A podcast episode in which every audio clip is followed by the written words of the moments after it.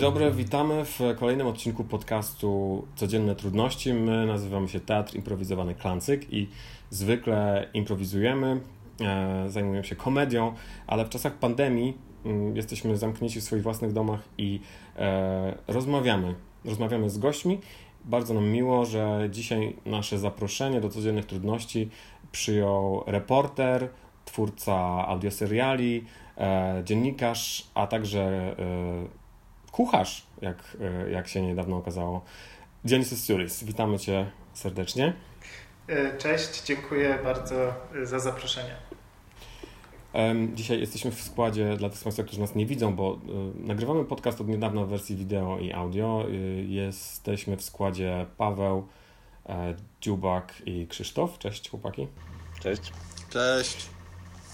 A powiedział to Błażej, dla tych, co to powiedziałem ja, nie rozpoznali głosu. Dionis, zaczniemy od, tradycyjnie od tego, o czym rozmawiamy z każdym z naszych gości. Podcast nazywa się Codzienne Trudności i o tę Twoją codzienną trudność chcielibyśmy Cię zapytać. Coś takiego, co innym ludziom wydaje się zupełnie zwyczajne i codzienne, a dla Ciebie jest jakąś mordęką, czymś, co Cię męczy i, i sprawia Ci trudność właśnie. Jeśli chodzi o takie czynności domowe dnia codziennego, to taką codzienną trudnością jest e, rozpakowywanie zakupów. E, nie, nie mam do tego cierpliwości. Już byłem w sklepie, zrobiłem te zakupy, przytargałem je do domu i jeszcze je trzeba rozpakować, e, a ja już bym usiadł z kawą, więc tego bardzo nie lubię i zwykle proszę mojego chłopaka, żeby on to rozpakował, wszystko, te wszystkie torby. E, a on jest taką osobą bardzo poukładaną, zorganizowaną i e, wszystko według niego powinno zawsze wracać e, w to miejsce wyznaczone, więc on się nie buntuje i rozpakowuje bardzo chętnie te zakupy. Więc to jest jedna taka rzecz.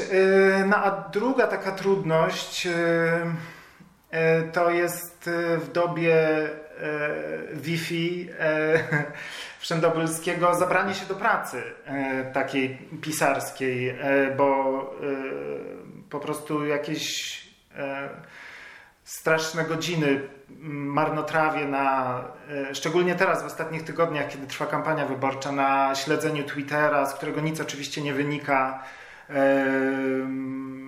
Instagramu i Facebooka i e, prze, przeglądam YouTube'a i przeglądam strony jakichś gazet i, i, coś czytam, wszystko, żeby nie pisać, chociaż powinienem pisać, więc codziennie, codziennie walczę ze sobą, żeby nie zacząć pracować. To jest taka moja codzienna trudność.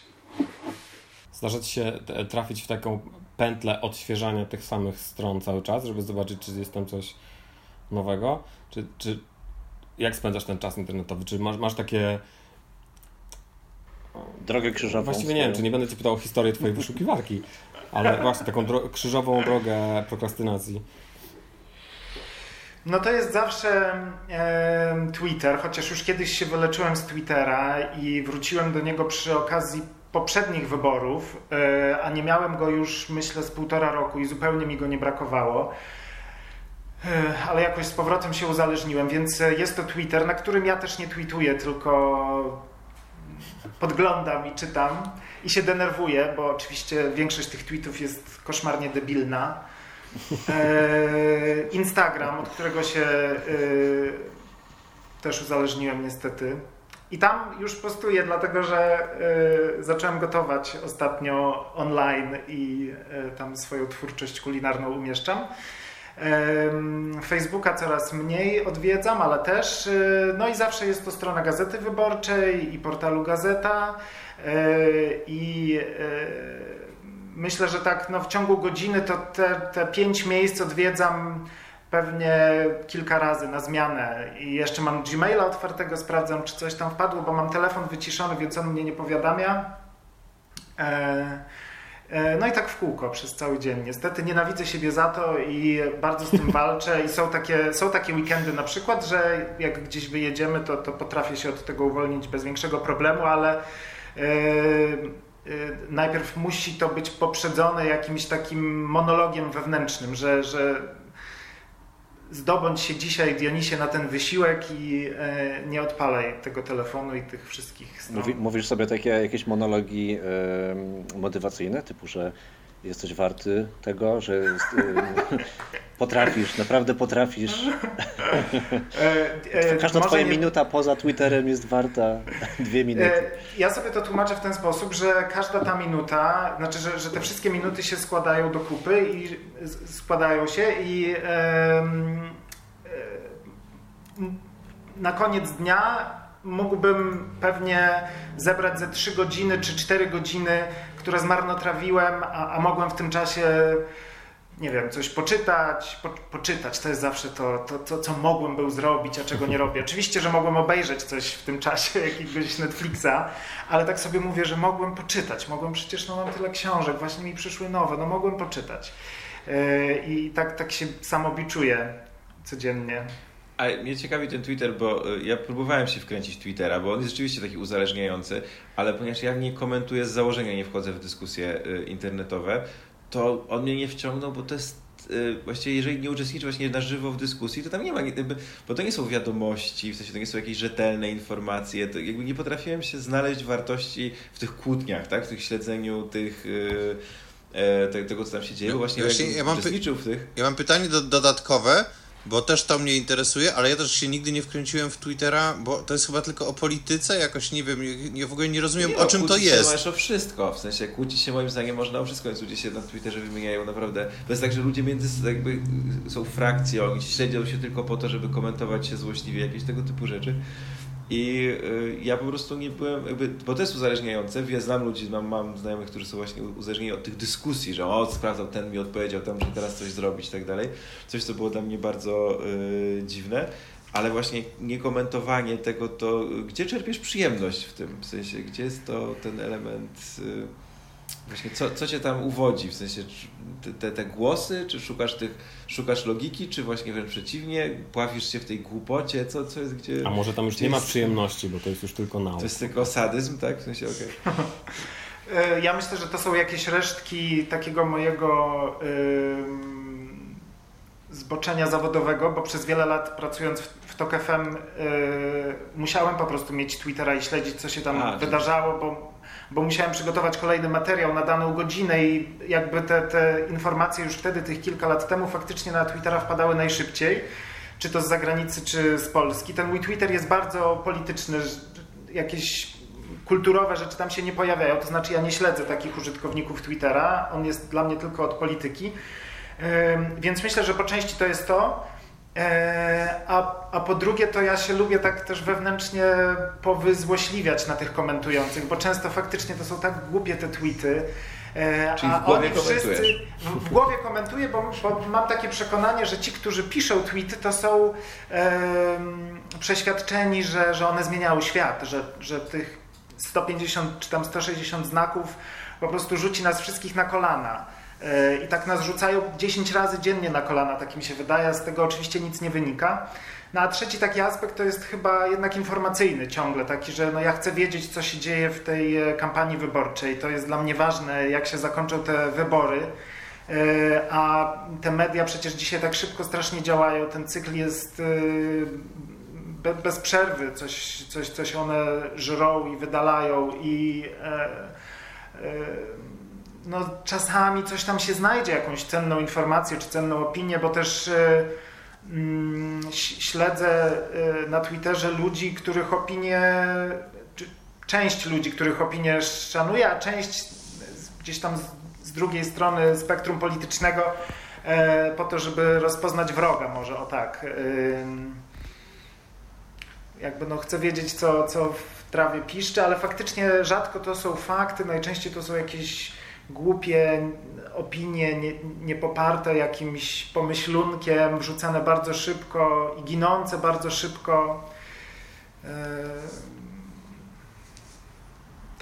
Czyli, czyli, czyli doprecyzowując, jest możliwość, żeby się na Twitterze poruszać w czymś innym niż polityka, czy to jest po prostu, jeżeli chodzi o Polskę, no bo na świecie to rozumiem, że, że to ma jakiś, jakiś szerszy zasięg, bo ja się kompletnie z tym w ogóle nie spotykam, nigdy nikt mi nie mówi, ach, widziałeś mojego Twittera dzisiaj? W sensie... No ja o sporcie tak miałem, że ja na przykład jakby byłem też y, właśnie jakoś śledziłem wszystkie tam rzeczy sportowe, no to ci dziennikarze sportowi też na, namiętnie korzystają z Twittera, więc wszystkie plotki transferowe, tego typu rzeczy, to się właśnie, ja potem to czytam co prawda w, wiadomościach i wiesz, już po, przetworzone w portalach. W ogóle dla mnie kuriozum to są wiadomości pra, jakby na portalach, które składają się z cytatów z Twittera. W sensie to, to już można najgorsze, tam... To jest najgorsze, tak.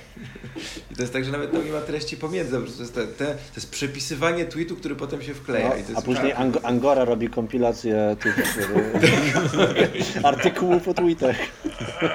Ale... Y ale przepraszam, bo to nie jest odpowiedź do końca na pytanie Krzysztofa, ale ja chciałem jeszcze tylko e, wbić pineskę przy pierwszej twojej e, trudności, No właśnie, bo ja chciałem wykładaniu zapytać, Krzysztof zakupów. powiedziałeś, że się, że się nie wkręciłeś w Twittera. Chciałem zapytać, czy się wkręciłeś w wy, wypakowanie zakupów. Ja chcę, za, ja zawsze zaczynam wypakowywanie zakupów. e, Jeszcze w jak, drodze e, ze sklepu. Tak, no to tak, po co tracić czas, prawda? To jest właśnie Twitter. To właśnie to, po co tracić czas na dotarcie do celu, skoro można już zacząć wyrzucać rzeczy na ulicy, prawda? Ale co, nie, nie, zażeracie, nie zażeracie czegoś, jak wracacie ze sklepu z zakupami? Otwieram No, coś, przed tak, umyciem no. rąk, dziubek. Nie, no to, Nie, no to coś w Ale papierku. tak wiadomo, że 20% żywności niestety co najmniej e, pewnie przeciętnie idzie na zmarnowanie, więc e, możesz, nie, nieważne kiedy to wyrzucisz, prawda? Możesz to wyrzucić zanim i będziesz miał mniej do rozpakowywania. Mniej śmieci. Nie, bo ja zaczynam, ja zaczynam rozpakowywanie tak jak e, chłopak Dionisa, czyli myślę sobie, to jest tutaj, prawda, u, u, tutaj mam prawda, makarony, układam poprzednie, które się poprzewracały, żeby tam dodać, a potem już wszystko wrzucam tak jak, naj, jak najszybciej do szuflad, na przykład w lodówce, to już, to już jest, w mojej lodówce jest tylko chaos w tej chwili, jakby nie ma tam żadnego pomyślunku. Są Ej, na przykład no nie. są podpowiedzi. No nie, on ma, on ma dużo więcej cierpliwości chyba i yy, yy, jakiejś determinacji, bo zawsze wszystko ląduje faktycznie na swoim miejscu i w szafkach, i w lodówce i niech ktoś yy, odważy się to przestawić. No, nie powiem, że są z tego awantury i przemoc domowa, ale jakiś taki psztyszek trzy dni później się zdarza, tak, tak. Ja, ja, ja mam rzeczywiście taką sytuację, że u nas bardzo, przepraszam Krzysztof, że mm, te docelowe miejsca różnych produktów są ściśle określone, nie przeze mnie. I e, potem, potem objawia się to tym, że, że słyszę takie tylko przy, wyciąga, przy wyciąganiu rzeczy. I, i ja, ja wiem, trochę, trochę rozumiem Denisa, bo wydaje mi się, że kiedy ja to zrobię, to to jest praca, która idzie na marne, bo to ktoś to musi potem poprawić po mnie. Nie, ja nawet się tym nie martwię, że, że e, Michał będzie miał dodatkowy wysiłek, bo jeśli mu na tym zależy, to niech się męczy, ale e, ja uważam po prostu, że to nie ma najmniejszego sensu. No niech to sobie leży tam, gdzie jest poręczne, gdzie, gdzie akurat spadło e, i tak zostanie zużyte do następnych zakupów, więc no może, może nie chciałbym tego zostawiać wszystkiego w torbie tej ze sklepu, pewnie gdzieś tam bym to wypakował, ale znowu to jest dla mnie tak jak ten Twitter, to jest strata czasu, bo mógłbym siedzieć i czytać książkę. A, i, i, szybko, jeszcze super szybkie y, moje pytanie. Czy robicie coś takiego, ci, którzy wypakowują, że robicie prezentację łupów?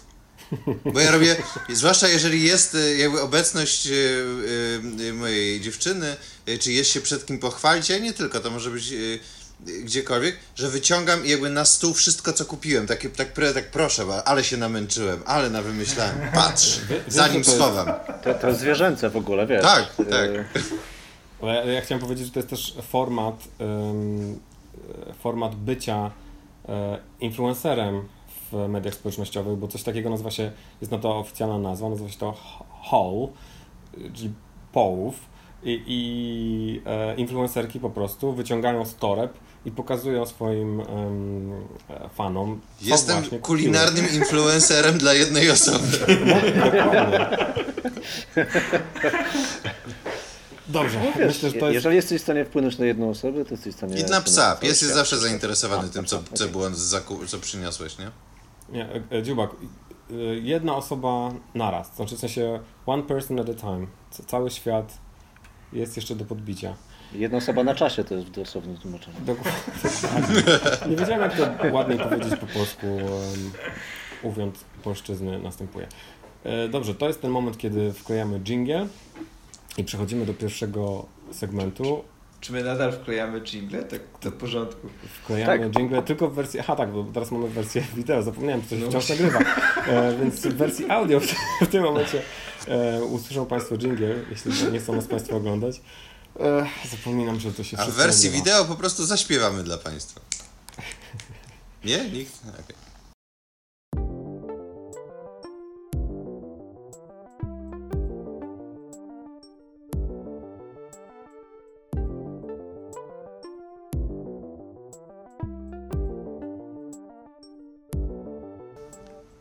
Prosiłem Pawła, ponieważ e, zauważyliśmy dzień tw- e, twórczości, motyw wyspy jest bardzo obecny i pewnie częściowo związany z Twoim życiorysem. Em, Twoja książka o wyspie Man, e, gdziekolwiek mnie rzucisz i e, książka o Jersey sprawiły, że, że chciałem, żeby, żebyśmy porozmawiali o wyspach w ogóle, ale także o, pra- o pracy na wyspach. To jest w jakimś sensie już zwrot, który się, się utarł. I Paweł ma za sobą ciekawe doświadczenia z pracy na różnych wyspach, zdaje się, więc chciałbym, żebyś Paweł trochę opowiedział o, o tym, co Ciebie łączy z wyspami, potem, żeby Denis powiedział o swojej e, pracy na Man, e, ale też może macie jakieś swoje ulubione wyspy e, w kulturze, może nie wyspy, które są miejscami geograficznymi, ale wyspami, które znacie z filmów i książek. No ja w ogóle lu- lubię wyspy, bo jest to taki, e, taki dziwny świat zawsze. E, bo ludzie się lubią gdzieś tam genera- generalnie łączyć w jakiejś społeczności, ale wyspa to tak wymusza hardkorowo. Bo na wyspę trzeba jakoś dotrzeć, tak? Więc ym, zawsze mnie wyspy ciekawiły. Mm, Ja faktycznie byłem na wyspie Jersey. i Jak dowiedziałem się, że Dionis jest, e, napisał książkę o, o, o tej wyspie, to oszalałem e, z radości, chociaż później jak się dowiedziałem o czym ona jest, to no to oszalałem z, ze smutku, ale mm, generalnie byłem faktycznie na wyspie Jersey i to 16 lat temu. Pracowałem tam e, w, na, jako kelner. A w ogóle pojechałem tam na kompletnym przepale, bo miałem jechać do Londynu w związku z otwarciem rynku pracy. E, I poszedłem do Orbisu, bo tak się wtedy robiło chyba. I pani Tak w Orbisie było. mi powiedziała, panie, pan nie jedzie do Londynu, bo tam jest cała masa Polaków. Pan pojedzie na e, Jersey, e, bo tam nie ma Polaków. I ja pomyślałem sobie, kurczę, no w sumie nie słyszałem o wyspie, no to pojadę. No i ona mi sprzedała bilet do Paryża. Logiczne. E, I powiedziała, że tam muszę w, Paryż, w Paryżu muszę e, pojechać na, na Gare du Nord chyba. O Boże, E, i, tam- i teraz powinien, teraz w twojej historii powinien być taki montaż, jak uczysz się na kelnera w Paryżu. Najpierw jesteś bez, niezdarny, tak o, monsieur! I potem na- nagle byłem jesteś genialny. w Paryżu, żeby się przygotować. No w każdym razie w Paryżu kupiłem sobie bilet na pociąg do Granville, z, a tam, ta, tam kupiłem sobie e, bilet na prom do, na, do Saint-Hélier. Dopłynąłem. Jak ty ładnie Pi- mówisz, ja to tak, e, aj, po prostu jak, jak, jak kaleczę strasznie ten francuski, więc e, ja mówię Saint-Helier, e, ale to spoko, No, bo bo Ewa wydaje mi się, że to mówi jeszcze Saint-Helier jest okej. Że niż ja. Saint-Helier jest chyba okej, ale bo ta wyspa, ta wyspa w ogóle była pod panowaniem francuskim jeszcze chyba w XI wieku, więc No jeszcze ze 150 lat temu francuski, y, od, odmiana francuskiego, lokalny francuski Jerier był, był pierwszym językiem. Jeszcze tak, i to w ogóle widać tam na, 70 na, na znakach, na ulica, ul- nazwy ulic, e, Tak. nazwy miejscowości itd., itd. No ale w każdym razie to co, to, co było najśmieszniejsze po przyjeździe, to to, że e, pierwszą osobą, jaką spotkałem na nabrzeżu w ogóle po wysiąściu z promu, była Polka, e, która siedzia, siedziała i płakała. Sama pani, która cię czeka, trzeba sprawdzić, czy dojedziesz. Udało się, brawo! I, I wręczyła mi wypłatę i powiedziała, żebym wracał po prostu. E, nie, była, była jakaś Polka, która, e, że okazało się, że Polka, i, i, która płakała i powiedziała, że nie ma totalnie pracy na Jersey, bo jest tutaj 10 tysięcy Polaków, a jest w ogóle 80 tysięcy ludzi i, jest 20 tysięcy Portugalczyków z Madery i w ogóle nie ma żadnej pracy kompletnie. No i miałem takie, okej, okay. jeszcze byłem z kumplem i z jego dziewczyną i, i pomyśleliśmy, no dobra, no już jesteśmy, no to pojechaliśmy na pola namiotowe, bo my tam z namiotem w ogóle pojechaliśmy. E, rozłożyliśmy się na polu namiotowym, no i zaczęliśmy e, łowy pracy i ja po trzech dniach, po prostu chodząc od drzwi do drzwi, od biznesu do biznesu, wchodziłem i, i mówiłem, że no, przyjechałem e, z Polski i szukam pracy. Po angielsku mówiłem, chociaż nie byłem pewien nawet, czy ja mówię po angielsku. I za każdym razem ktoś mi po polsku odpowiadał, poznawszy, po, poznawszy po akcencie. Mówili, że no nie ma pracy i żebym spadał. I po trzech dniach, yy, po trzech dniach znalazłem po prostu robotę, bo akurat jakaś Polka wybiegła z restauracji. Yy, powiedziała, że nigdy więcej tam nie będzie pracować i zwolniło się miejsce. Ja po prostu tam wszedłem. I ty pomyślałeś, to jest miejsce dla mnie, tak? W sensie to, tak, to jest tak. bardzo dobra rekomendacja. Dream job, dream job. Tak. I to była restauracja włoska która się nazywała Gdzie, Restaurant. coś przerwało? Yy, włoska restauracja w Saint Helier, czy, a, w Saint albo w Saint Helier, yy, która się nazywała Cafe Restaurant Italia. I miała dwóch oryginalnych szefów Włochów i to takich bardzo bym powiedział yy, stereotypowych. W sensie w bardzo różny sposób, bo jeden był łysy i był z Sycylii i był bardzo wesoły, a drugi był taki chudy, żelasty i był z Turynu i nazywaliśmy go Mussolini. I, I, był faktycznie taki bardzo, bardzo ostry. No i cały staw w ogóle był portugalski, poza, e, czyli kuchnia, pozostali kelnerzy, no i byłem ja. No i ja tam naściemniałem, że, e, no, że ja byłem kelnerem, że totalnie wiem, co się robi. E, I oni po pierwszym dniu odkryli, że, no, że nie byłem kelnerem, że nie wiem, co się robi. E, ale powiedzieli, że zrobią ze, mną, ze, ze mnie najlepszego kelnera na wyspie, co się nie udało. I myślałem, że to będzie tak jak potem taka sekwencja montażowa jak w Rokim. Tak. Biegasz Tak, tak. Z to było dokładnie tak, bo tam, bo tam nie było w ogóle, nie, tam nie było, tam nie było w, yy, Jezu, jak się nazywa? Air conditioning. Klimatyzacja. Klimatyzacja. Ja mam... Boże, i ty go nie możesz poprawiać, ty, ty jesteś jeszcze gorszy. Tam nie było klimatyzacji, więc ja biegałem jak wrokiem faktycznie, w sensie, że byłem spocony po prostu non-stop. E, I oni I... potem na końcu tej sekwencji powiedzieli, no jednak się nie udało. czy były zawody, czy oni się przygotowywali do zawodu e, zawodów w byciu kelnerów, kelnerem na Wyspie No tak się spodziewałem i szczerze mówiąc byłem bardzo zawiedziony, że nie ma żadnych zawodów na końcu. To był wielki zawód, powiem tak. A jak długo, a jak długo zostałeś na Jersey? Ja tam byłem 2,5 miesiąca. W ogóle to było taki bardzo, ja pewnie musiałbym cały podcast poświęcić, żeby o tym powiedzieć, bo to było potwornie y, dużo przygód, które mi się tam wydarzyły. Y,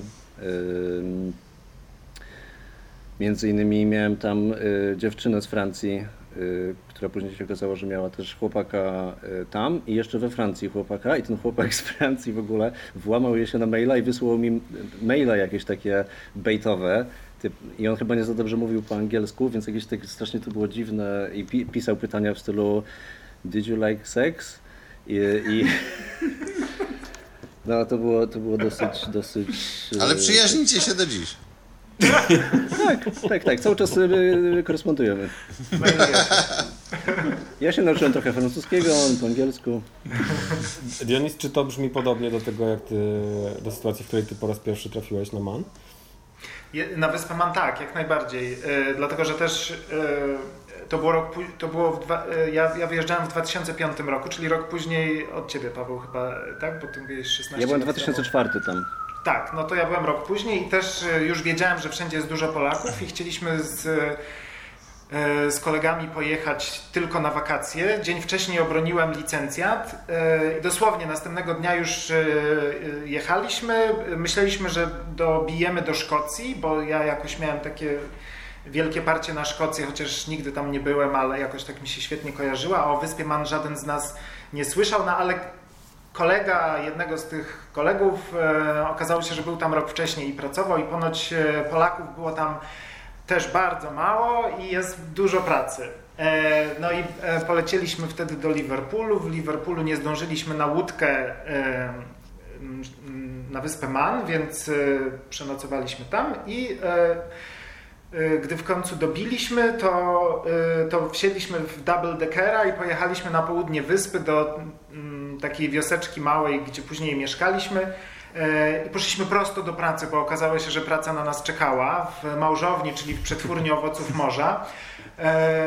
Port, do którego dobiliśmy, mieści się w stolicy wyspy Man, czyli w Douglas, i tam faktycznie było bardzo dużo Polaków. Pewnie, już nie pamiętam teraz, mam te liczby w książce, ale pewnie w sezonie letnim, no nie wiem, z 10 tysięcy.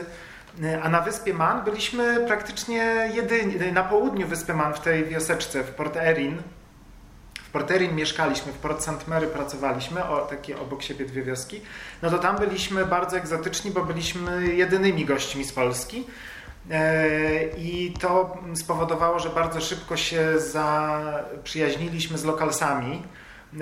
To była kwestia kilku tygodni, podczas gdy wiem, że Manksowie i szerzej Brytyjczy, Brytyjczycy nie są jakoś super otwarci w ogóle wobec obcych, a, a na, wobec nas byli, bo byliśmy tak egzotyczni. Ale też myślę, że zobaczyli, że, że fajnie pracujemy, ale że, że po pracy jesteśmy chętni, żeby pójść z nimi do pubu.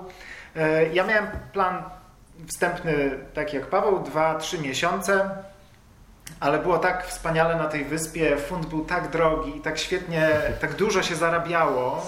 Praca była ciężka, ale, ale pieniądze były wspaniałe. No, ja pamiętam, że e, tam płacą tygodniówki, więc za pierwszą tygodniówkę pojechaliśmy wszyscy z powrotem, siedliśmy w tego double deckera i pojechaliśmy z powrotem do Douglas i zrobiliśmy po prostu wydaliśmy wszystkie te pieniądze, każdy sobie kupił laptopa, aparaty cyfrowe, jakieś ciuchy, ja, buty. Ja pamiętam to dokładnie. Pierwsza wypłata, ja oszalałem, ja, ja zobaczyłem, co, ja chodziłem po sklepach, nic nie kupowałem, bo, bo, bo, bo, chciałem zbierać, ale byłem w szoku, ile ja mogę kupić za tą pierwszą wypłatę tak. po pierwszym tygodniu. Tak, tak, po pierwszym tygodniu. To, to było niesamowite. Ja też A, chciałem zbierać, bardzo długo chciałem zbierać. ale... Jak przyjechałeś z tych, e, z tych zakupów e, z Douglas, z tych pierwszych wielkich zakupów, to kto je rozpakował? No to akurat bardzo dobrze pamiętam, bo myśmy yy, mieli też zapewnione przez naszego szefa mieszkanie w takim yy, po prostu w takim wielkim wiktoriańskim domu, który kiedyś był domem starców, a później kupiła go imigrantka z Hongkongu, Belinda, i myśmy mieszkali u tej Belindy. E, później tam dojechali jeszcze kolejni moi przyjaciele, tacy najbliżsi, e, trójka, więc tam byliśmy w sześć osób, e, po dwie osoby w małych pokoikach. Bardzo obskurny był to dom, potworne warunki w tych pokojach. Więc myśmy chcieli tam jak najmniej czasu spędzać i to się udawało, bo było bardzo gorące lato, a obok była przepiękna plaża, więc po plaży, po pracy szliśmy na plażę, no ale po tym pierwszym tygodniu ja pamiętam, że kupiłem sobie też buty do biegania, bo biegałem już e, wtedy, znaczy tak, biegałem od liceum e, w tenisówkach, bo tych 20 parę lat temu nikt nie słyszał raczej w Polsce o butach do biegania, a przynajmniej w moim mieście nikt nie słyszał. Więc jak się wyrwałem wreszcie na Wyspę Man, to sobie pomyślałem, że kupię sobie jakieś fajne buty do biegania za te pieniądze i yy, kupiłem buty i ten sprzedawca mnie przekonywał, że one są do biegania, chociaż one wyglądały bardziej jak kolce. Ale ja nie wiedziałem, jak wyglądają prawdziwe buty do biegania, więc mu zaufałem i yy, zaraz po, po przyjeździe rozpakowałem te buty, ubrałem je i poszedłem biegać i wróciłem z wielkimi odciskami, bo to nie były buty do biegania, ani kolce, nie wiem co to było ale nabawiłem się koszmarnych odcisków i przez y, tydzień, no, no dobra, no nie, ale przez trzy dni myślę, miałem problem z tym, żeby chodzić do pracy i zarabiać kolejną tygodniówkę, bo y, do tej pracy musiałem przejść do drugiej wioski, pewnie jakieś 3 kilometry. Podobno obłożenie y, małżami odcisków pomaga. Flakami to, to były, z, małż, to były buty tak, do tak, mają znane właściwości lecznicze. Pracowałem w, w tej przetwórni owoców morza, która y, teraz we wspomnieniach jawi mi się jako wspaniałe miejsce, gdzie zadzierzgnąłem przyjaźnie i gdzie spędziłem naprawdę fajne chwile, ale rzeczywistość y, w teraźniejszości była, y, była nie, nie tak miła, było tam zimno, mokro, wtedy wszyscy jeszcze palili praktycznie przy stanowisku pracy albo w kantynie, więc chmura dymu zawsze tam się znajdowała. Jak ktoś chciał otworzyć okno, to Shirley bardzo oponowała, bo jej było zimno, a ja nie miałem czym oddychać. No i, i w ogóle to była naprawdę ciężka, ciężka fizyczna robota. Teraz za nią tęsknię i później jak wielokrotnie wracałem na wyspę Man, także żeby zbierać materiały do książki, to chodziłem do tej fabryki i e, czasami e, na godzinę, na dwie jeszcze siadałem do tego stołu i tam pracowałem z tymi e, kobietami, które całe życie tam przepędziły e, przy tych stołach. E, może tylko jeszcze powiem o, o, co chodzi w tej robocie, że na stole wielkim metalowym lądują małże, e, przegrzebki świętego Jakuba, po angielsku queenies, albo zimą łowi się większe muszle i wtedy to one się nazywają king scallops. No i trzeba te małże otworzyć i wyciąć Perła. wyciąć, wyciąć perłę, wyciąć to mięsko i oddzielić go od tych okropnych, śmierdzących flaków. Praca na akord, żeby była opłacalna, wymaga no, takich poważnych umiejętności, których nabywa się tygodniami, ale ten pierwszy tydzień był taki, że mieliśmy podwójną stawkę, żeby się nie zniechęcić. No, a później już jakoś to poszło. Tylko, że z tych dwóch miesięcy w moim wypadku zrobiły się prawie dwa, ponad dwa lata. Ponad dwa lata przemieszkałem na Wyspie Mana, później jeszcze wracałem wielokrotnie, więc w sumie to pewnie tam ze trzy lata przeżyłem. I te całe dwa lata w małżowni, czy, czy zmieniałeś tak, pracę? Tak, w małżowni, ale pracowałem też na pół etatu w pubie, nalewałem piwo i, i tak dalej. We środy wieczorem i w soboty wieczorem i to też była bardzo fajna praca i tam też Państwo landlordowie tego pubu to byli Brytyjczycy z Yorkshire, z Leeds i też się z nimi zaprzyjaźniłem. Świetny mieliśmy tam zespół, więc te, te prace też bardzo miło wspominam. A później, kiedy, kiedy poczułem, że jak nie wrócę do Polski, to po prostu mój mózg się skurczy do rozmiarów rodzynka, bo na wyspie nie ma uniwersytetu, a ja chciałem jeszcze się trochę pouczyć. No więc zaaplikowałem o pracę w bibliotece lokalnego parlamentu, w bibliotece Tynwaldu i sądziłem, że z licencjatem z Polski po prostu jestem wymarzonym kandydatem i na pewno mam największe kwalifikacje, bo skoro nie ma uniwersytetu, no to oni nawet tego licencjata nie mają. No ale zamiast pracy dostałem odpowiedź na pięknym, kredowym liście podpisaną odręcznie, że bardzo jest im przykro, ale niestety no, ktoś inny dostał tę robotę, więc wróciłem po, po to, żeby wrócić na studia. Ale tak, Wyspa Man jest taką moją ukochaną wyspą i to jest takie moje wyspowe doświadczenie numer jeden, dlatego że później poznałem wyspę Jersey, ale jeszcze także greckie wyspy są mi bardzo bliskie, ale Wyspa Man przez to, że być może żyłem tam na najdłużej, ale także przez to, że się tak no, zdążyłem zakorzenić w tym miejscu i że mi się tam po prostu strasznie wszystko podobało. I przyroda, i ludzie, i te pieniądze.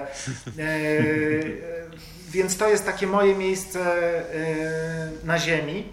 Mam tam bardzo dużo, znaczy okej, okay, żeby też nie mówić jakimiś takimi głupimi ogólnikami, ale mam tam kilka osób, y, takich, z którymi ciągle jestem w kontakcie i u których mógłbym się zatrzymać, gdybym chciał tam wrócić. Y, jedną z takich osób była bohaterka mojej książki, y, Dorothy, która niedawno zmarła, miała 92 lata. Jak z nią rozmawiałem, no to miała tam chyba z 87, jak ją poznałem, bo robiąc research do książki, napisałem ogłoszenie w lokalnej gazecie, że szukam takich historii polsko-manksowskich. No i kilka osób podpisało i między innymi ona przysłała mi list i opowiedziała w nim o swojej wojennej miłości do polskiego pilota Stanisława. I później pojechałem do niej do domu, poznałem ją, jej córkę i opowiedziała mi to w tę historię dramatyczną bardzo ze szczegółami. Okazało się, że po krótkim romansie w 1944 roku, kiedy on był na wyspie i był, trenował innych pilotów, dostał wezwanie z wyspy na ląd do Wielkiej Brytanii. No i jeszcze zdążył jej wysłać z wyspy na wyspę zdążył jej wysłać kartkę z życzeniami na Boże Narodzenie i później słuch o nim zaginął, więc ona, kiedy rozmawialiśmy, poprosiła mnie, żebym pomógł jej e, tę zagadkę rozwikłać i sprawdzić, czy on wrócił do Polski, ożenił się i tak dalej. No i ja, ja się zgodziłem, że, że jej w tym pomogę. E, no i e, no on nie wrócił do Polski, bo niestety zginął kilka tygodni po tym, jak wysłał jej tę kartkę o czym dowiedziała się dzięki researchowi, który zrobiliśmy razem. E, ale od tamtej pory, przez, przez te wszystkie lata do, do lutego tego roku, ona ciągle mi przysyłała listy, jakieś wycinki z gazet, i zdjęcia, i życzenia, kartki świąteczne.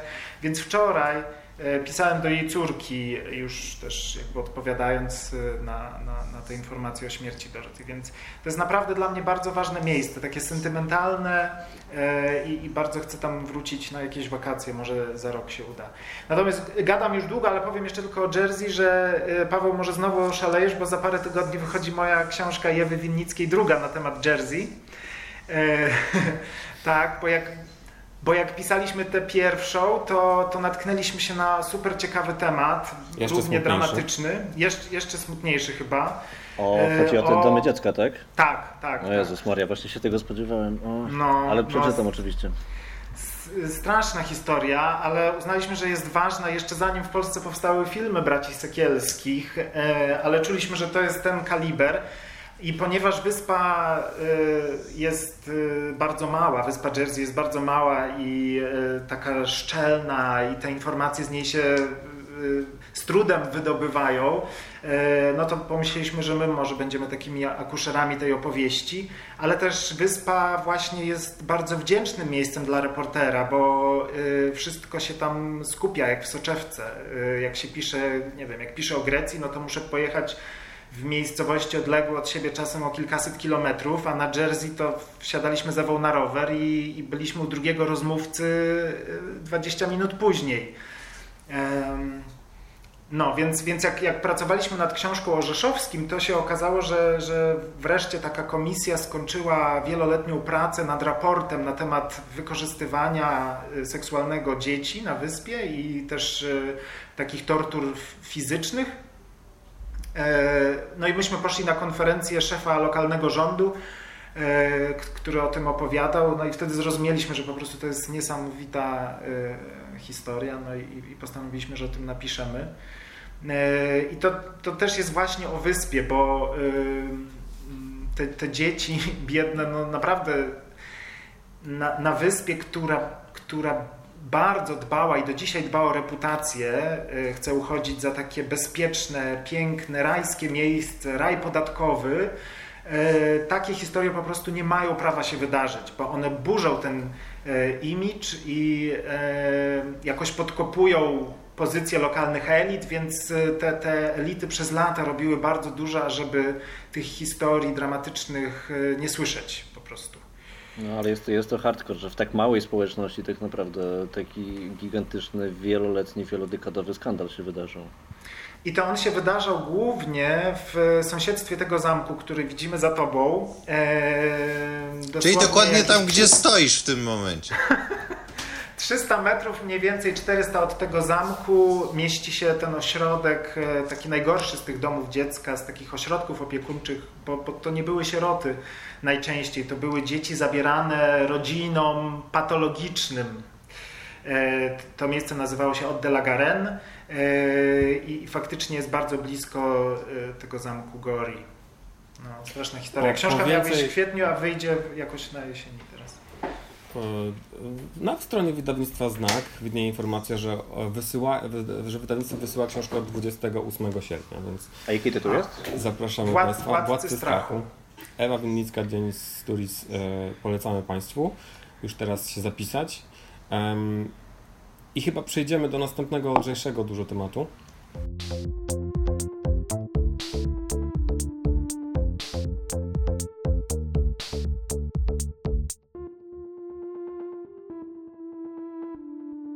Krzysztof Dziubak.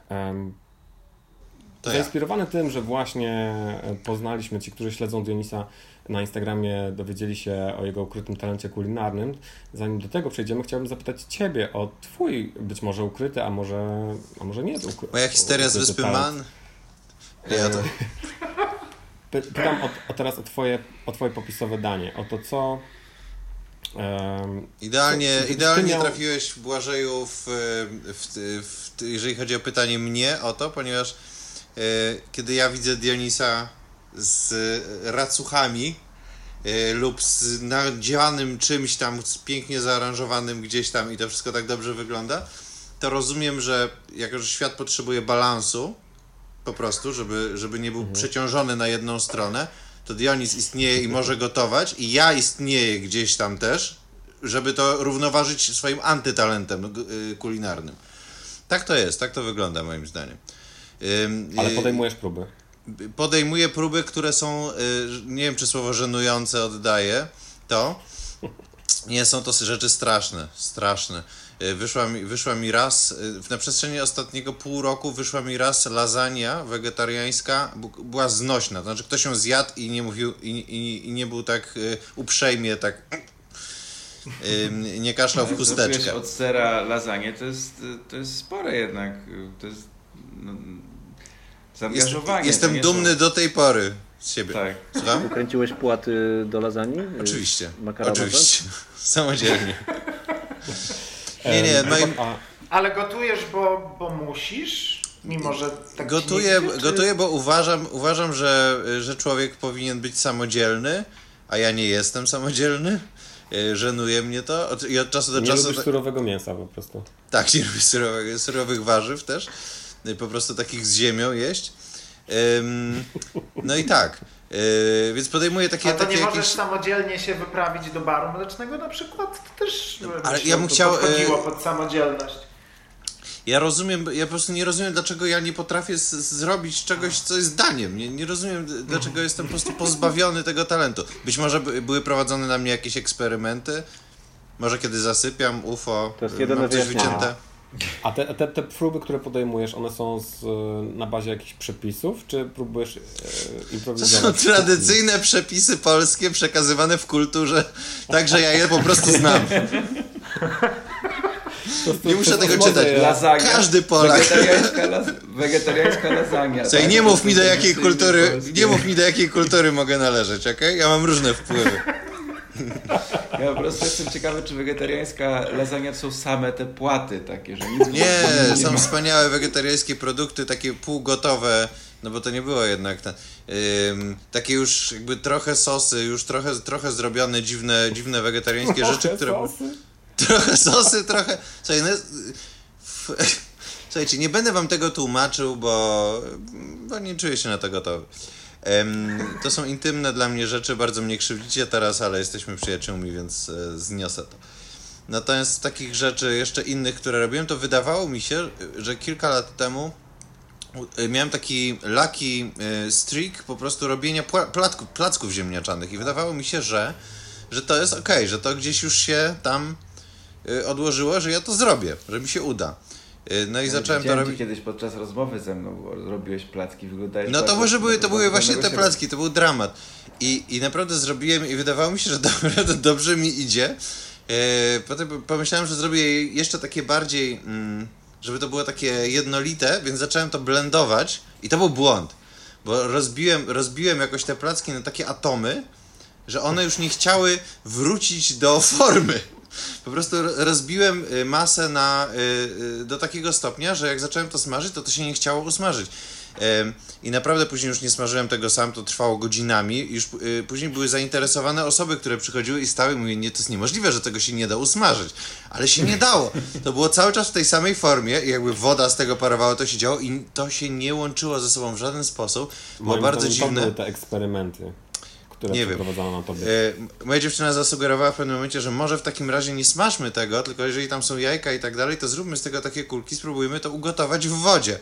Że może to się zrobić z tego kluska albo coś. I ja zrobiłem taką kulkę, ugotowałem wodę, wrzuciłem to i to się tak rozpuściło. W nicość po prostu. I Ale nie poddałem się wam do wtedy. głowy, że zrobiliście, zrobiliście właśnie zupę wtedy? Być może, ale to jeżeli to była, to była zupa z surowych, rozbitych na atomy ziemniaków, to nie było... Ale no, One już nie były już nie były surowe. Była, Nie były bo- surowe. Zrobiłeś kartoflankę po prostu, nie wiedziałeś Może, nawet o tym. być, być może. Kartoflanka krem.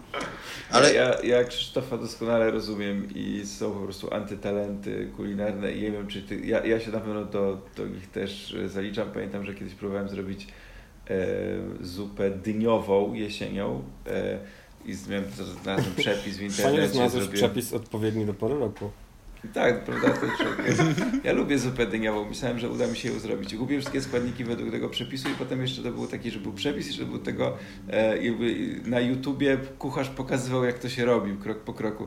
Ja odpaliłem to, to, to on się przywitał, powiedział, jakie są przy, te składniki i potem powiedział, no i wlewamy wywar do czegoś tam. Ja tak, kurwa, co to za wywar? W sensie, jak nie było tego w składniku, nie wiedziałem. I naprawdę musiałem zadzwonić do mojej babci, żeby zapytać się, o co mu chodzi. I, i to w ogóle okazało się, że zostałem oszukany, ponieważ trzeba było wcześniej ugotować jeszcze jedną zupę, o której nikt mi nie powiedział. Cieszę się, że nie jestem sam. Tym bardziej, e, jakby jak, jak Dionis tam wrzuca coś i to tak jest wszystko i to się tak udaje, to mm, Ale to jest ładne jeszcze do tego. jest nie? ładne i wszystko. To ja się cieszę, jednocześnie jakby jestem z tobą, a z drugiej strony jest mi smutno po prostu. Ale jesteś, No. jesteś Ying do Di- Dionisa Young. Tak, dokładnie tak. Ale ja bym jednak Cię dopingował, żebyś e, spróbował kilku tych moich przepisów, bo ja e, myślę, że mam jakąś taką maleńką iskrę bożą, powiedzmy, do gotowania. Mam jakiś taki mini talent, to znaczy e, rzadko mi się te rzeczy nie udają, które już robię, ale robię rzeczy bardzo proste. Naprawdę, to wszystko, co ja robię, nawet jak to wygląda jakoś skom- jakby było skomplikowane, nie jest. Ja Czyli są, są prostsze niż placki ziemniaczane. Placki robię na przykład, bo, bo, bo ten temat mojego gotowania to są placki, to, są, to jest kuchnia grecka, więc tam są placki z cukinii, które robi się praktycznie dokładnie tak samo, tylko że się jeszcze wkrusza trochę fety i świeżych ziół. Ale placki ziemniaczane to było z kolei moje pierwsze danie, y, które ugotowałem kiedykolwiek, przy, przygotowałem. Jak miałem, nie wiem ile, pewnie z 8-9 lat i chciałem moją mamę zaskoczyć, żeby przyszła z pracy i obiad był gotowy. E, I pamiętam, że nie bardzo wiedziałem, jak to się robi, więc zapytałem sąsiadkę, czy się na pewno dodaje mąkę do placków ziemniaczanych. No i wyszły całkiem niezłe.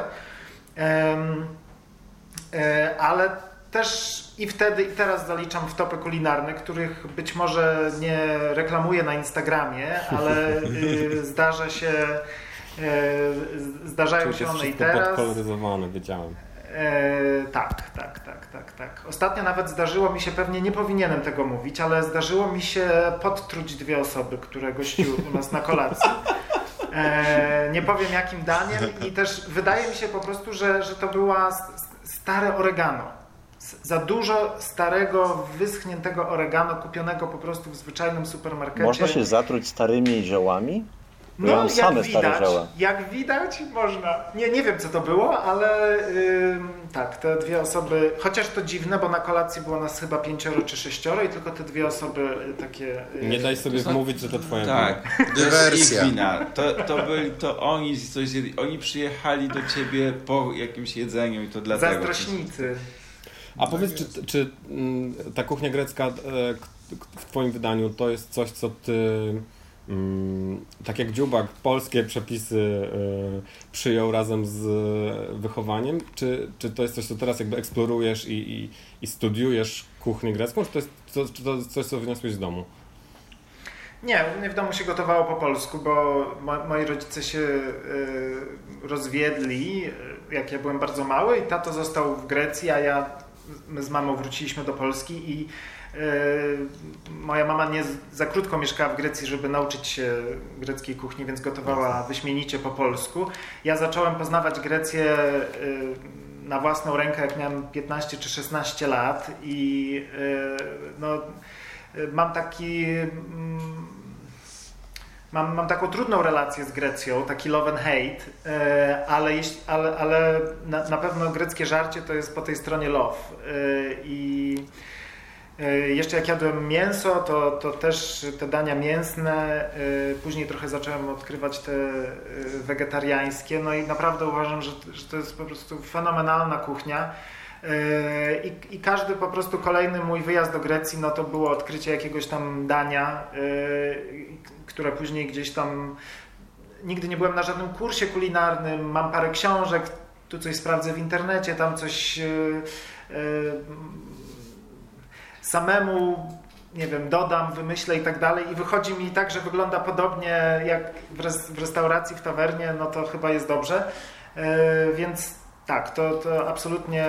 Znaczy, mam jakieś takie kilkanaście, myślę, podstawowych dań z obu kultur e, w moim e, repertuarze e, polskich i greckich i teraz na potrzeby Instagrama, tak naprawdę na potrzeby książki, bo bardzo chciałbym napisać taką książkę reportersko-kucharską, to doszukuję i uczę się nowych dań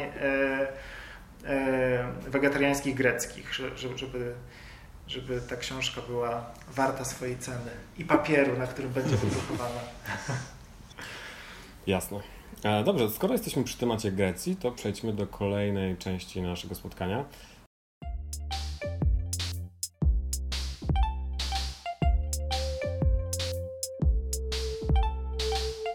Ponieważ jesteś e, jakby w polskim e, świecie dziennikarsko-reporterskim tą osobą od Grecji, pomyśleliśmy sobie, że pewnie dobrze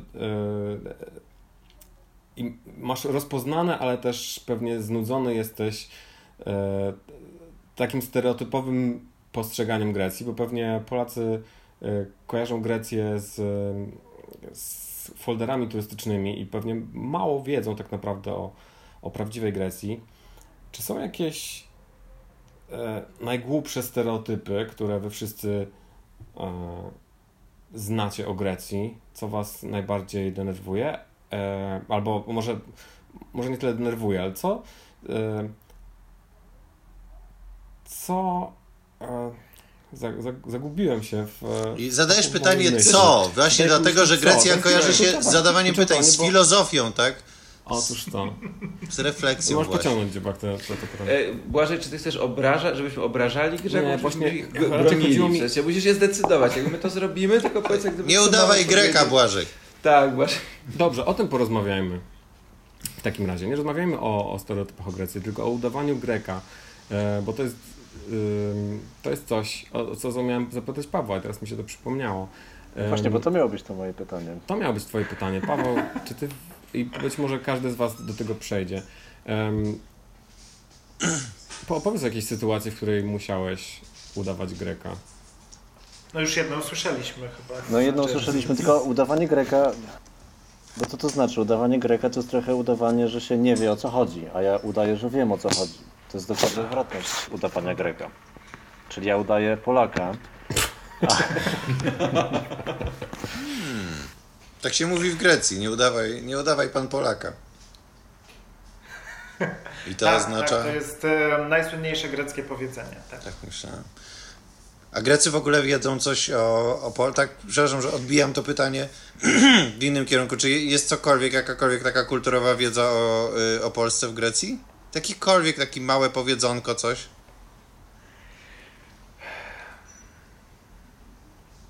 Żarty o Polakach. Czy chociaż papieża znają? Zna, nie.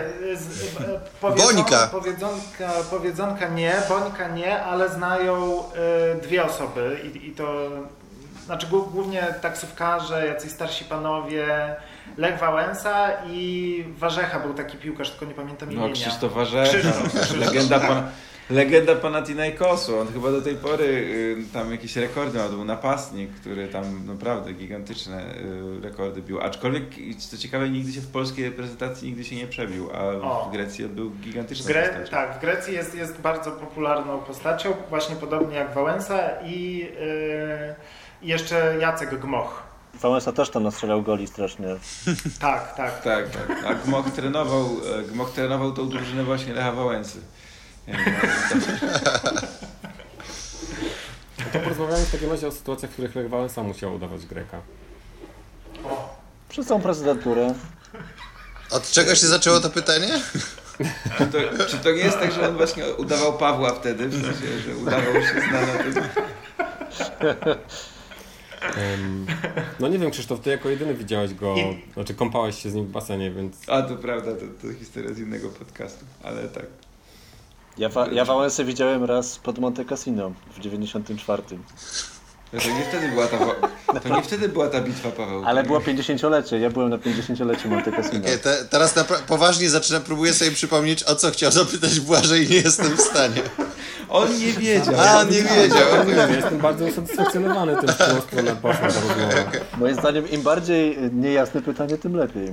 Bo ja dzisiaj widziałem na przykład Szymona Hołownię. Jezus Maria. I co on teraz robi? Czym on się teraz zajmuje? Jest prezydentem Warszawy? No wrócił do Inspe? wyścigów samochodowych, tak? Reklamuje bezpieczne przejazdy kolejowe. Nie wiem, prowadzi, nagrywa głos do GPS-a? Nie, dobrze, to daleko.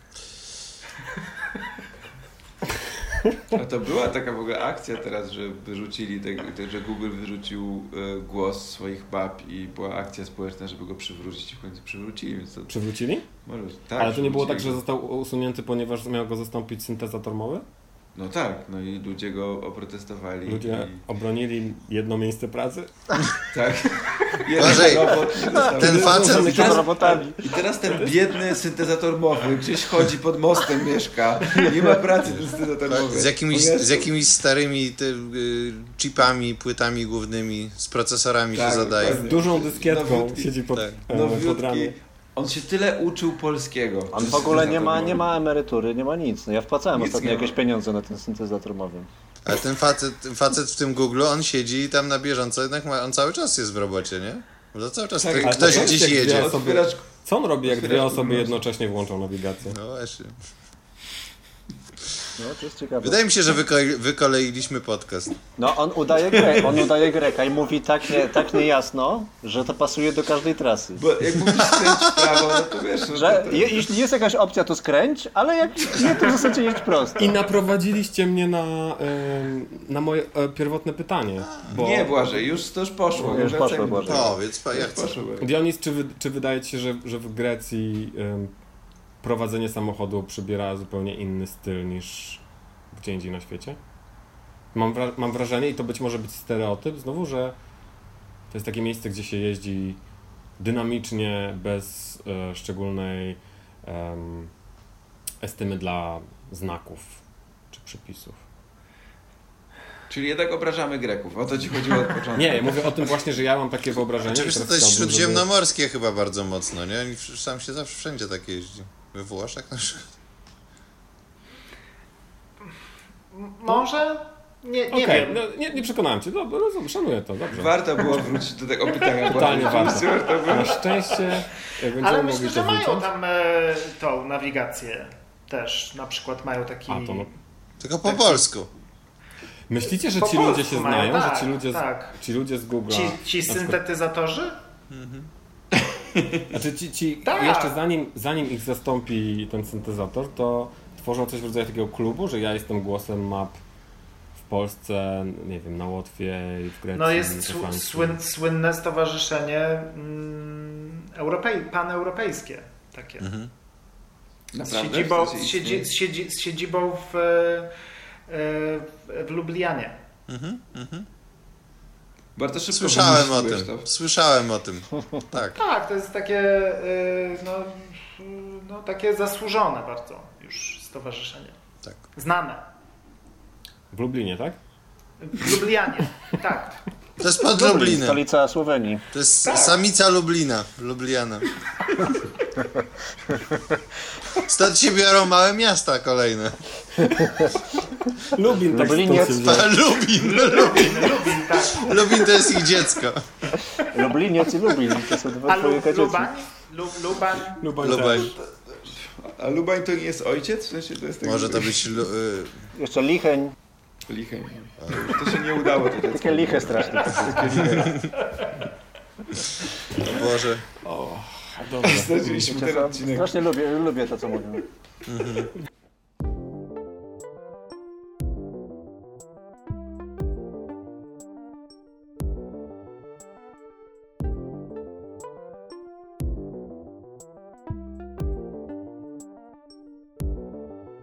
Może teraz w takim razie mm, oddamy głos naszemu gościowi. Dionis, poprosiliśmy Cię, żebyś Ty prze, y, przygotował jakieś pytanie do nas, bo jesteśmy grupą, która najbardziej e, lubi mówić o sobie. Więc to jest ten moment. No ja pomyślałem, że y, z chęcią bym się dowiedział, jakie są wasze takie y,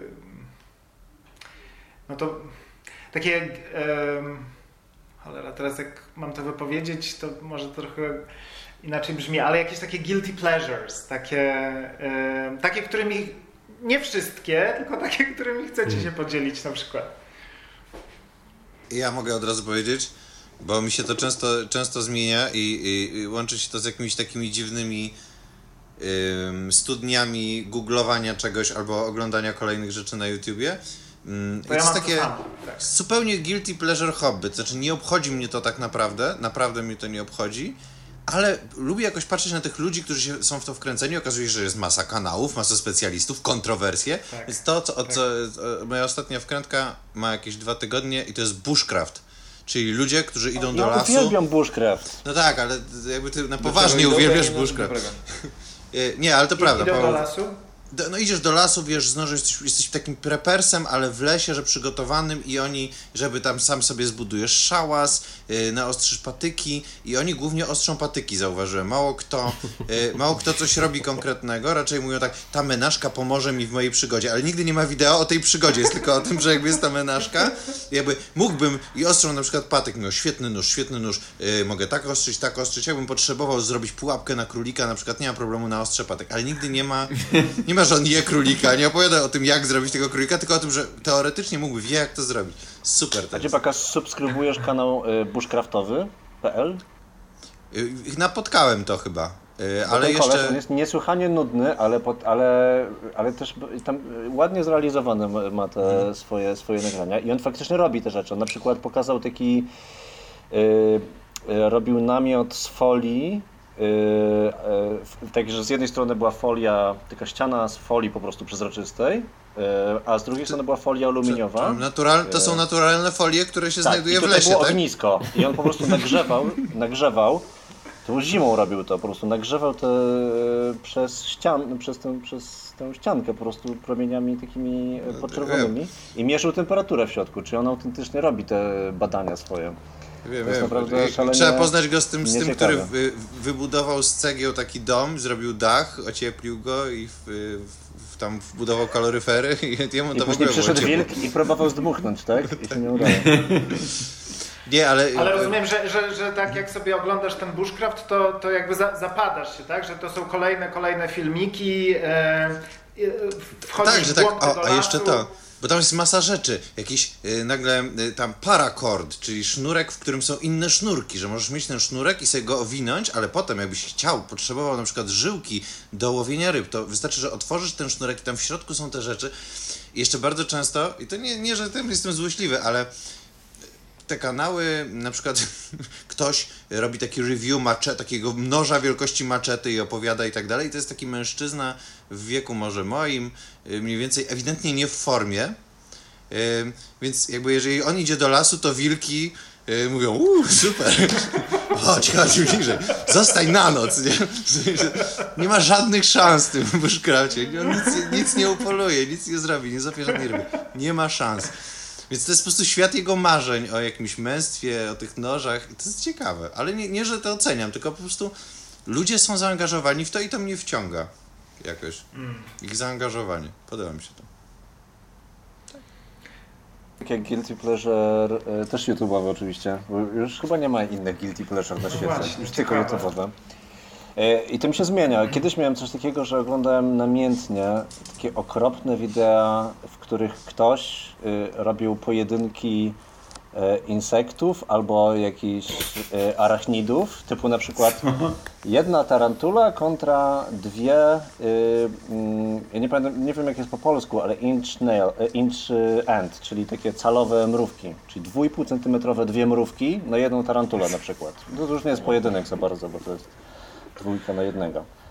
Aha. I co do ilości nóg też się nie zgadza. Ale, ale generalnie w, albo na przykład. Czyli, w, czyli oglądałeś tak jak był jakby koloseum walki tak, gladiatorów, tak, tak, to, to tak, są tak. jakby walki o No koloseum to jest w ogóle bardzo szumne, bo to jest zwykle jakieś pudełko, którym ktoś potrząsa, jeśli one nie walczą. I na przykład y, ta, To są- to są modliszka, Rzymianie. modliszka kontra y, osa. I to, I- są, to są naprawdę, to były fascynujące walki. Dosyć Ktoś obrzydliwe. jest ale- chrześcijaninem z nich? Wczesnym Tak, chrześcijaninem. no wypuszczono taki mini, mini, mini lwy na koniec na tym. taki mały cesarz, który tam przyzwał. Z, z YouTube'owych wideo, ostatnią taką rzeczą, którą oglądam namiętnie, to są e, popisy takich e, zajebistych e, stolarzy. Czyli na przykład robienie jakichś bardzo złożonych zło, złączeń, takich e, nieklejonych, nie ten, tylko takich, takich co się tak ładnie tak składają. To są japońskie to filmiki cyzelują- często, nie? Japonii różne, bardzo różne. W sensie, że naprawdę, w sensie, ale to są często właśnie te japońskie, japońskie narzędzia, czyli te japońskie piły i tak dalej. I oni to cyzelują, tam kombinują, po prostu to są bardzo złożone jakieś procesy i na koniec jest ten taki moment, kiedy to tak, zjeżdża się ja mam taki nirwanę osiągam w tym momencie. To jest A czy to są użytkowe rzeczy? Z tego powstają jakieś stoły? E, czy, czy, czy raczej to jest sztuka dla sztuki? Raczej chyba sztukę dla sztuki, że często to jest po prostu deska i deska na przykład, yy, ale bo to są takie to, nie? W sensie, zazwyczaj. Ale oglądam też na przykład, y, fascynujące są takie różne maszyny typu, że jest taka maszyna z bolcem z jednej strony i z drugiej strony i nadziewają na, na ten bolec jak na rożen y, jakiś pień, bardzo taki niekształtny i później go tam, i, to się bardzo szybko obraca. Obróbka, obróbka ze, skra- ze Tak, skrawaniem. obróbkę. O, kocham obróbkę ze skrawaniem. Bardzo też jakieś takie ciekawe kształty. To jest tokarka po prostu, to jest tokarka. Dziubek, nie, nie psuj tego, dobrze? Przepraszam. Prze, a przypomniało mi się, przypomniało się szybciutko jedno guilty pleasure, które się wiąże z tym, o czym rozmawialiśmy, w, w które się wkręciłem też na jakiś czas, już to przeszło dawno. Na wyspie Man jest jedna, y, też bardzo słynna rzecz, mianowicie wyścigi motocyklowe kompletnych kretynów, które odbywają się w, pomiędzy domami, w tych, takich uliczkach, czy tych takich drogach, no jakie są na wyspie. No i są jakieś to wybitne drogi, trochę przez las, trochę przez miastka z jakimiś chorymi prędkościami. Te domy są obłożone takimi gąbkami. Ci ludzie się zabijają tam masowo, osiągają tam prędkości po 300 na godzinę. Jest to najbardziej niebezpieczny wyścig y, na świecie. E, Ja takich rzeczy nie robię, ale y, ani nie lubię, ani nie, nie chcę tak jeździć, ani nic takiego, ale po prostu oglądanie tego na zasadzie Boże, co za kretyni! Boże, Boże, co za debilizm. E, Miałem taki, Tak. miałem taki okres, tak. Ja Widziałeś to? Mieszkałem na tej, e, właśnie, znaczy doświadczałem konsekwencji e, tych wyścigów, e, bo na wyspę w czasie, kiedy one są rozgrywane, TT Races ściąga kilkadziesiąt, pra- praktycznie tyle turystów, ilu jest mieszkańców i wtedy nawet Polacy gubią się w tłumie.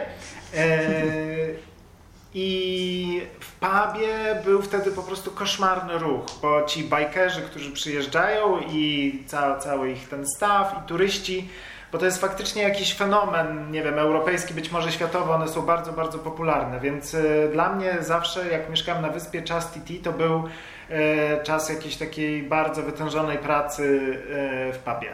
Bo, bo zwykle puby się na wyspie zamykają o północy, a w czasie TT zawsze są otwarte dłużej. Jest wesoło bardzo. To sto, tak, tak znam TT, a jeszcze z tej strony wypadkowej, bo y, przyjaciółka, u której kiedyś wynajmowałem pokój i z którą też uczyłem się piec ciasta i prowadziliśmy taki mini biznes wypiekowy. Nazwaliśmy ten nasz biznes Deliciously Different. Takie ciasta piekliśmy nietypowe na Wyspę Man. E, Ona jest pielęgniarką, już teraz emerytowaną i opowiadała mi, że, że w, no, to są takie żniwa szpitalne ten czas TT. Mnóstwo rannych, mnóstwo e, motocyklistów, którzy mają upadki. E, kilka osób rocznie zawsze ginie, ale też się zdarzają ranni wśród turystów, no bo te gąbki nie, nie wszystkich ochronią niestety. A i przypomniałem sobie, że Dorothy, ta, ta, ta biedna, która zmarła niedawno, 92-letnia, e, była taką paradziennikarką przez lata i e, robiła profile takie biograficzne zwycięzców e, TT Races przez lata do jakiejś tam lokalnej, e, znaczy nie, nie lokalnej, tylko takiej branżowej e, gazety mo- motocyklowej. Więc o- ona była mega fanką ty. Krzysztof, czy ty masz jakieś guilty pleasure? E, jak już opowiadamy o rzeczach e, oglądanych, to ja o, czasami mam takie. e, szu- wracam, to jest resentyment mną e, kieruje i wracam do jakichś rzeczy, które oglądałem, czytałem, słuchałem jakoś wiele, wiele e, lat temu i ostatnio miałem tak, że e, wrzucili na, na Netflix stare sezony Star Treka które ja oglądałem serię Voyager starą. I, I Captain Janeway, pamiętam, była w czasach mojego liceum po prostu takim wzorem przywódcy, który tam, e, którą tam śledziłem. No i zacząłem to oglądać. 7 z 9? Em, No, tak, no maksa. E, I, e, I teraz to wróciło i zacząłem jakoś to oglądać i to jest coś straszne, ponieważ niestety e, ja zasypiam na każdym odcinku. To jest tak, że, że, że ten, mam ten wstęp, w sensie oglądam ten wstęp, to za to, że oni się pojawiają w jakiejś planecie, chodzą, odkrywają raz w ogóle. Straszne są te, te teraz już po, latach ta charakteryzacja, których tych kosmitów, którzy są, po prostu jest taka plastikowo-gumowa, oni po prostu schodzą w jakichś dziwnych, e, czasami dostają po prostu, nie wiem, na, narość na twarz i są inną rasą kosmitów już po prostu i to, e, i to rzeczywiście wygląda, wygląda bardzo dziwnie. Jest jakiś jest początek tego odcinka, ja potem zasypiam i budzę się na końcu, że zawsze na końcu jest właśnie na statku, jak oni podsumowują, tak, czego się nauczyliśmy o innych cywilizacjach tego dnia. Jest ta lekcja jednego odcinka, mówię, a okej, dobra, to już wyłączam i idę spać. Już było tak, I tak jest codziennie rzeczywiście, no może nie codziennie, ale rzeczywiście parę odcinków tak w ten sposób e, właśnie oglądam. Więc ten resentyment do Star Treka jest bardzo silny u mnie i to jest taki... Masz resentyment do Star Treka? No taki w sensie, no... że- Powracający sentyment. Wraca, tak, no w sensie, że kiedyś miałem... To nie, źle używam tego słowa. No, resentyment to jest raczej takie negatywne uczucie. No to, Bo on tego nienawidzi. W sensie, że... Tak, bo ja taką, to jest guilty pleasure. To jest guilty pleasure, prawda? A nie To jest-. Tak, dokładnie. To jest guilty pleasure. Jest idealnie pasuje. Dokładnie o to mi chodziło. Nienawidzę siebie za to, że to robię. E, nie, to jest takie wspomnienie. W sensie wracają te wspomnienia. Ja to mam, ja mam wspomnienie z Guilty Pleasure, którego już nie, nie realizuję Ja- i to jest związane chyba z tym, że rzeczywiście oglądanie przeniosło się do YouTube'a, a moje jest związane z telewizją linearną, e, bo przez wiele lat z moją dziewczyną mieliśmy taki e, rytuał lub też zwyczaj, że po tym jak już oglądaliśmy coś, co chcieliśmy oglądać, a jeszcze przed tym jak znaleźliśmy w sobie siłę, żeby się zwlec z kanapy i pójść spać, przełączaliśmy em, na kanał ezoteryczny i oglądaliśmy em, telewróżki. I to było, to było fascynujące, bo mm, dzwonili najróżniejsi ludzie, cały przekrój spo- społeczny, ludzie w różnym wieku, mężczyźni, kobiety z całej Polski. No i e, prowadząca na przykład Aga Sojala, medium, które mieszka w, nie, w Niemczech obecnie, z tego co wiem, e, na antenie prowadziła różnego rodzaju wróżby. Można było prosić o, o wróżbę na szczęście, na zdrowie, na miłość. No nas przypytała tam, dzień dobry, pa, m, panie Henryku z Ra- Raciborza, co stawiamy? On mówił, że na, na, na miłość albo na zdrowie i ona e, te karty rozkładała. Mówiła o jakiejś szczy, szczególnej, szczęśliwej liczbie. I zawsze mniej więcej co, co drugiej osobie mówiła, że no, hmm, tu widzę, oj, no, na tarczycę trzeba uważać. Na tarczycę, tak. I zawsze, yy, zawsze to była tarczyca. Na, natarczywa była. I tak mówiła, teraz no faktycznie widzę, ludzie mają widzę, problemy z tarczycą. To prawda i to jest bardzo powszechne i myślę, że... No właśnie, ona czytała te roczniki gusowskie, na co Polacy chorują i tak jej wychodziło, że co drugi... Albo Dokładnie tak. I tam też był... roczniki gusowskie słuchały tej pani. Albo. Nigdy się tego nie dowiemy. Albo to była prawdziwa wróżka, która po prostu wiedziała, że ci ludzie mają z tym problemy. I co? No i oczywiście był tam ten klasyczny motyw wszystkich e, mediów, e, czyli mm, no widzę kobietę. Tak, tak, tak, oto moja matka. No właśnie, widzę starszą kobietę. No właśnie, bo wie pani, ona nie domaga. No właśnie, tutaj trzeba uważać na zdrowie. Um, tu widzę, widzę poważne problemy zdrowotne. I, i to, to było wspaniałe i koiło nas e, do snu. I teraz niestety tego nie robimy, bo e, chyba zdaje się, że kanał Ezo TV zniknął i przeniósł się właśnie całkowicie do, do Do innego wymiaru. Rozstąpiły się Otworzył się i portal akurat i portal wessało ich. zostało wessane do góry. Ale kiedy zacząłeś mówić o swojej guilty pleasure, to nieświadomie uruchomiłeś y, moją traumę bo powiedziałeś, e, zrobiłeś takie rozróżnienie, poprawiając sam siebie, y, y, zwyczaj lub rytuał. Mhm. I to jest pytanie, na którym ja poległem, kiedy zdawałem na studia kulturoznawcze. E, Miałem napisać. Po prostu zrobiłem dobry research do, tego, do tej rozmowy. Rytuał, przypadek. zwyczaj i coś tam jeszcze. Y, I miałem napisać, czym one się od siebie różnią. Oczywiście tego nie wiedziałem, nie dostałem się na studia kulturoznawcze. Tak, i mm, moje życie tak się potoczyło, jak się potoczyło. Więc Czyli bardzo dobrze. nic nie wiem, no. Czyli no, nie możesz nam może powiedzieć, dobrze, czy no, jakaś alternatywa, jak, jakaś alternatywna wersja mojego życia tego dnia umarła. Czyli jeżeli słuchają nas młodzi ludzie, kochani, nie idźcie na studia, szczególnie na kulturoznawstwo, żeby mieć To udane prawda, życie, nie. tak jak Dionis. Tak.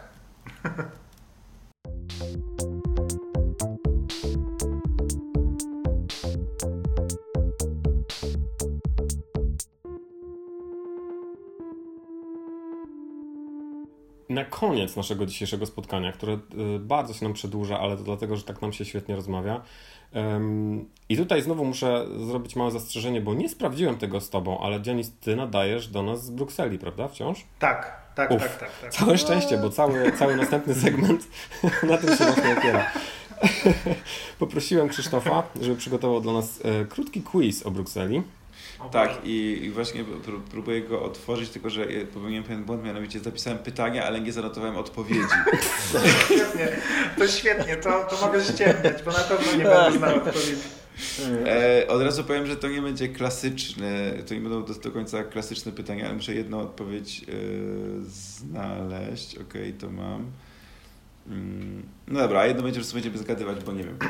E, zaczniemy prost, od prostego bardzo e, pytania.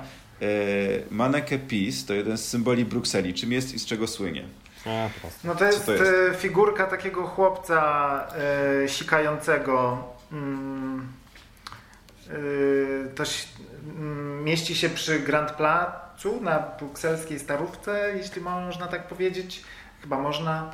E, no i faktycznie mm, to jest strasznie popularne miejsce, to, to, to, gdzie on tam stoi, ten chłopczyk i jest tam mnóstwo turystów i oni tego chłopca przystrajają tę figurkę w różne ubranka, czasami jakieś piłkarskie, czasami jakieś, nie wiem, narodowe, w zależności od tego, jakie dzisiaj jest święto. Eee, tak. No. No, cie- Ciekawa odpowiedź, Ma, ma, ja mam inne goły zdanie. chłopczyk, no. Niestety jest to błędna Jest, odpowiedź. jest to nieprawda. Manele Pisto. E, tak, jeszcze jakieś propozycje. Znaczy, to, znaczy, zróbmy tak, nie przesądzajmy, że to jest zła odpowiedź. Może są inne propozycje, tak? Ja wam powiem na końcu. Jakiś na końcu powiem, czy to fakt, było. Poprosimy Tak, alternatywny fakt. Ma jakiś Maneto, maneto? Ja, ja ręka, niestety znam odpowiedź, więc... a Pisto A. I wiadomo. to oczywiście nie jest ta, którą udzielił, którą udzielił. Ale, ma, ale ty ma, y, Krzysztof, ty masz rację, w sensie, bo ten chłopiec rzeczywiście trzyma jakby sika, więc, więc Tak, ma tak. takie pis, czyli że w ręku trzymasz i siłujesz jest To jest absolutnie- pomnik tej ręki, nie tego chłopca. Chłopiec jest przyczepiony, to, to jest drugorzędne. Ważne w tej, ta dłoń. Nikt nie zwraca na to uwagi. Skąd, skąd manę E, właśnie, nie, manę okej, dłoń. już nie. y, y, y, Dionis oczywiście y, ma rację.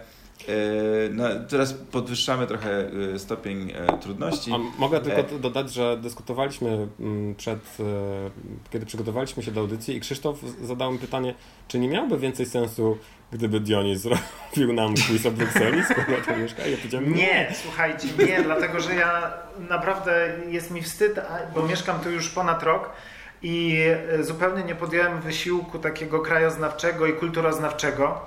Głównie dlatego, że nie mówię po francusku i. I nie dostałeś się na e, kulturoznawstwo po prostu. Nie dostałem się na kulturoznawstwo e, tych e, 20 lat temu.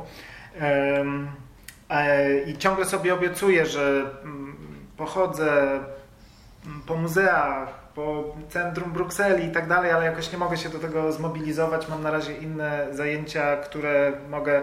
Zresztą pandemia była przecież, prawda? Więc nie mogłem nigdzie Oczywiście, do nie mogłeś tego No właśnie. Poza tym jest Twitter cały czas, on się aktualizuje na bieżąco, tak, więc jakby no, kiedy miałbyś to robić? Jakby rozumiecie, jest wiele powodów, potrzebujesz czasu, nie, żeby nie poczytać książkę. Po.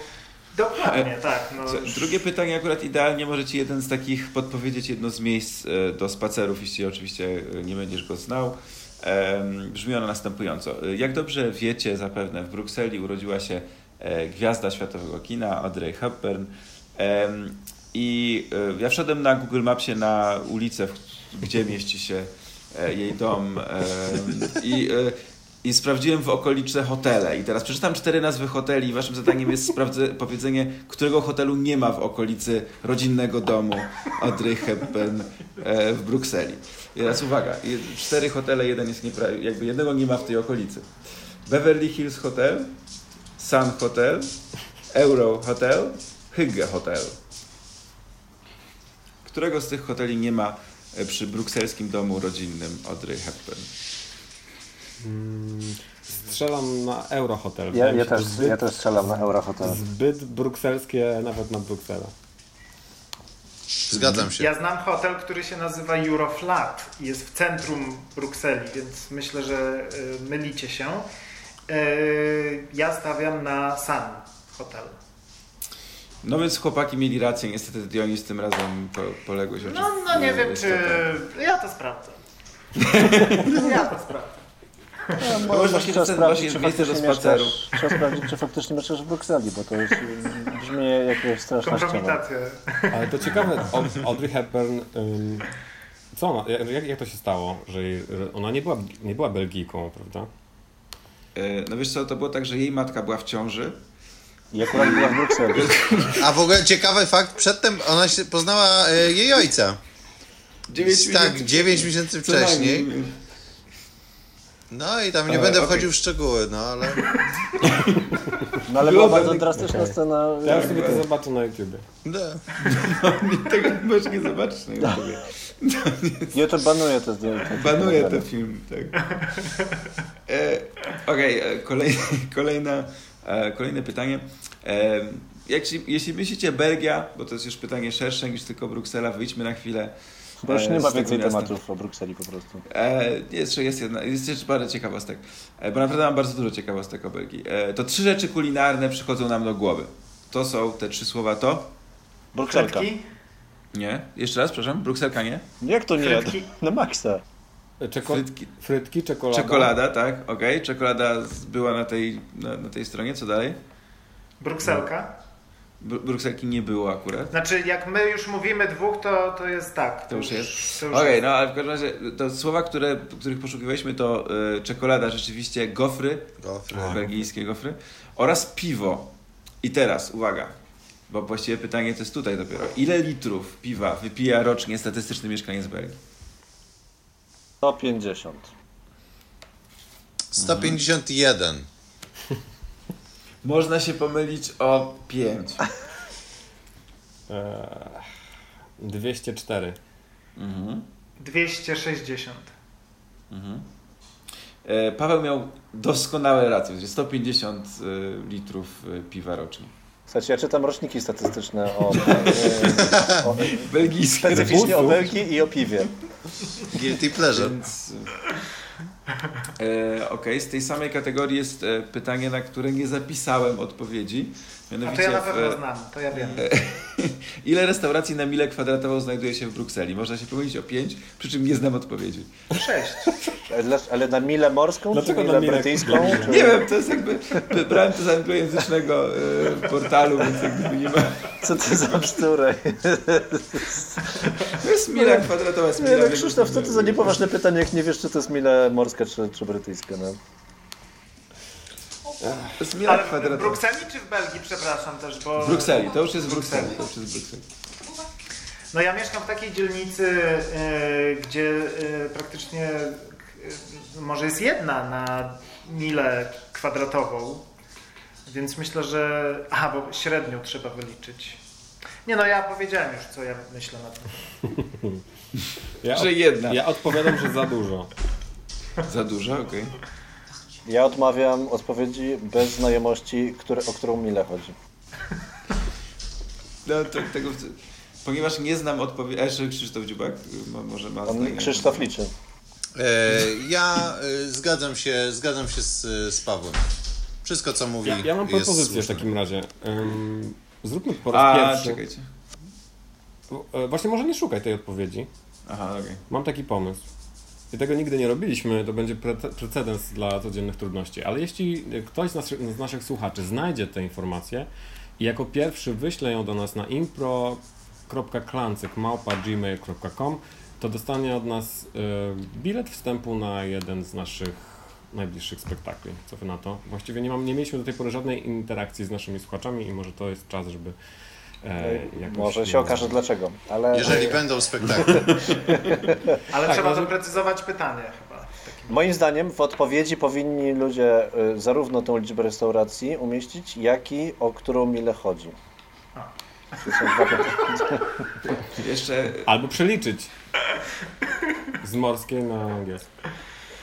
Jeszcze znalazłem e, informację, która miała być pytaniem, ale ponieważ nie udało mi się jej potem, bo też znowu musiałem wejść na Google Maps, żeby potwierdzić to, to nie udało mi się tego potwierdzić na Google Maps, więc nie potrafię tego, e, nie, nie, w końcu nie sformułowałem tego pytania, mianowicie w, w, znalazłem taką informację, że w Brukseli znajduje się największa świątynia masońska na świecie i to była specjalnie dla Pawła informacja. W sensie, O, dziękuję. Tylko nie wiem, czy jest prawdziwa, więc bo Myślę, że Albo Albo jest to- Paweł to doskonale wiedział.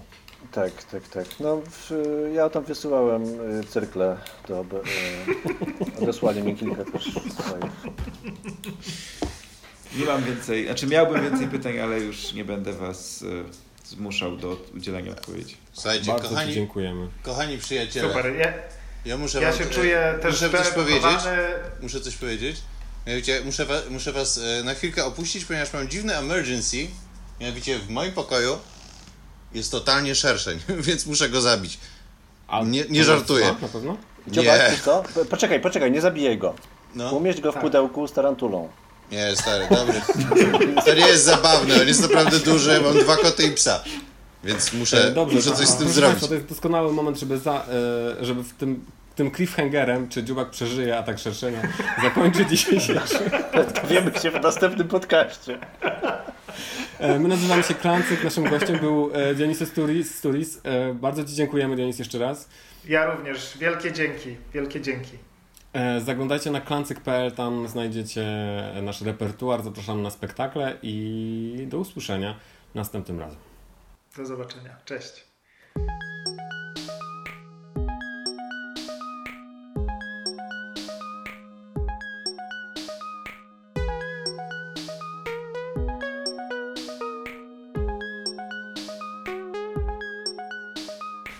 Machaj, zwracasz jego uwagę. Tak, wiem, idę mordować.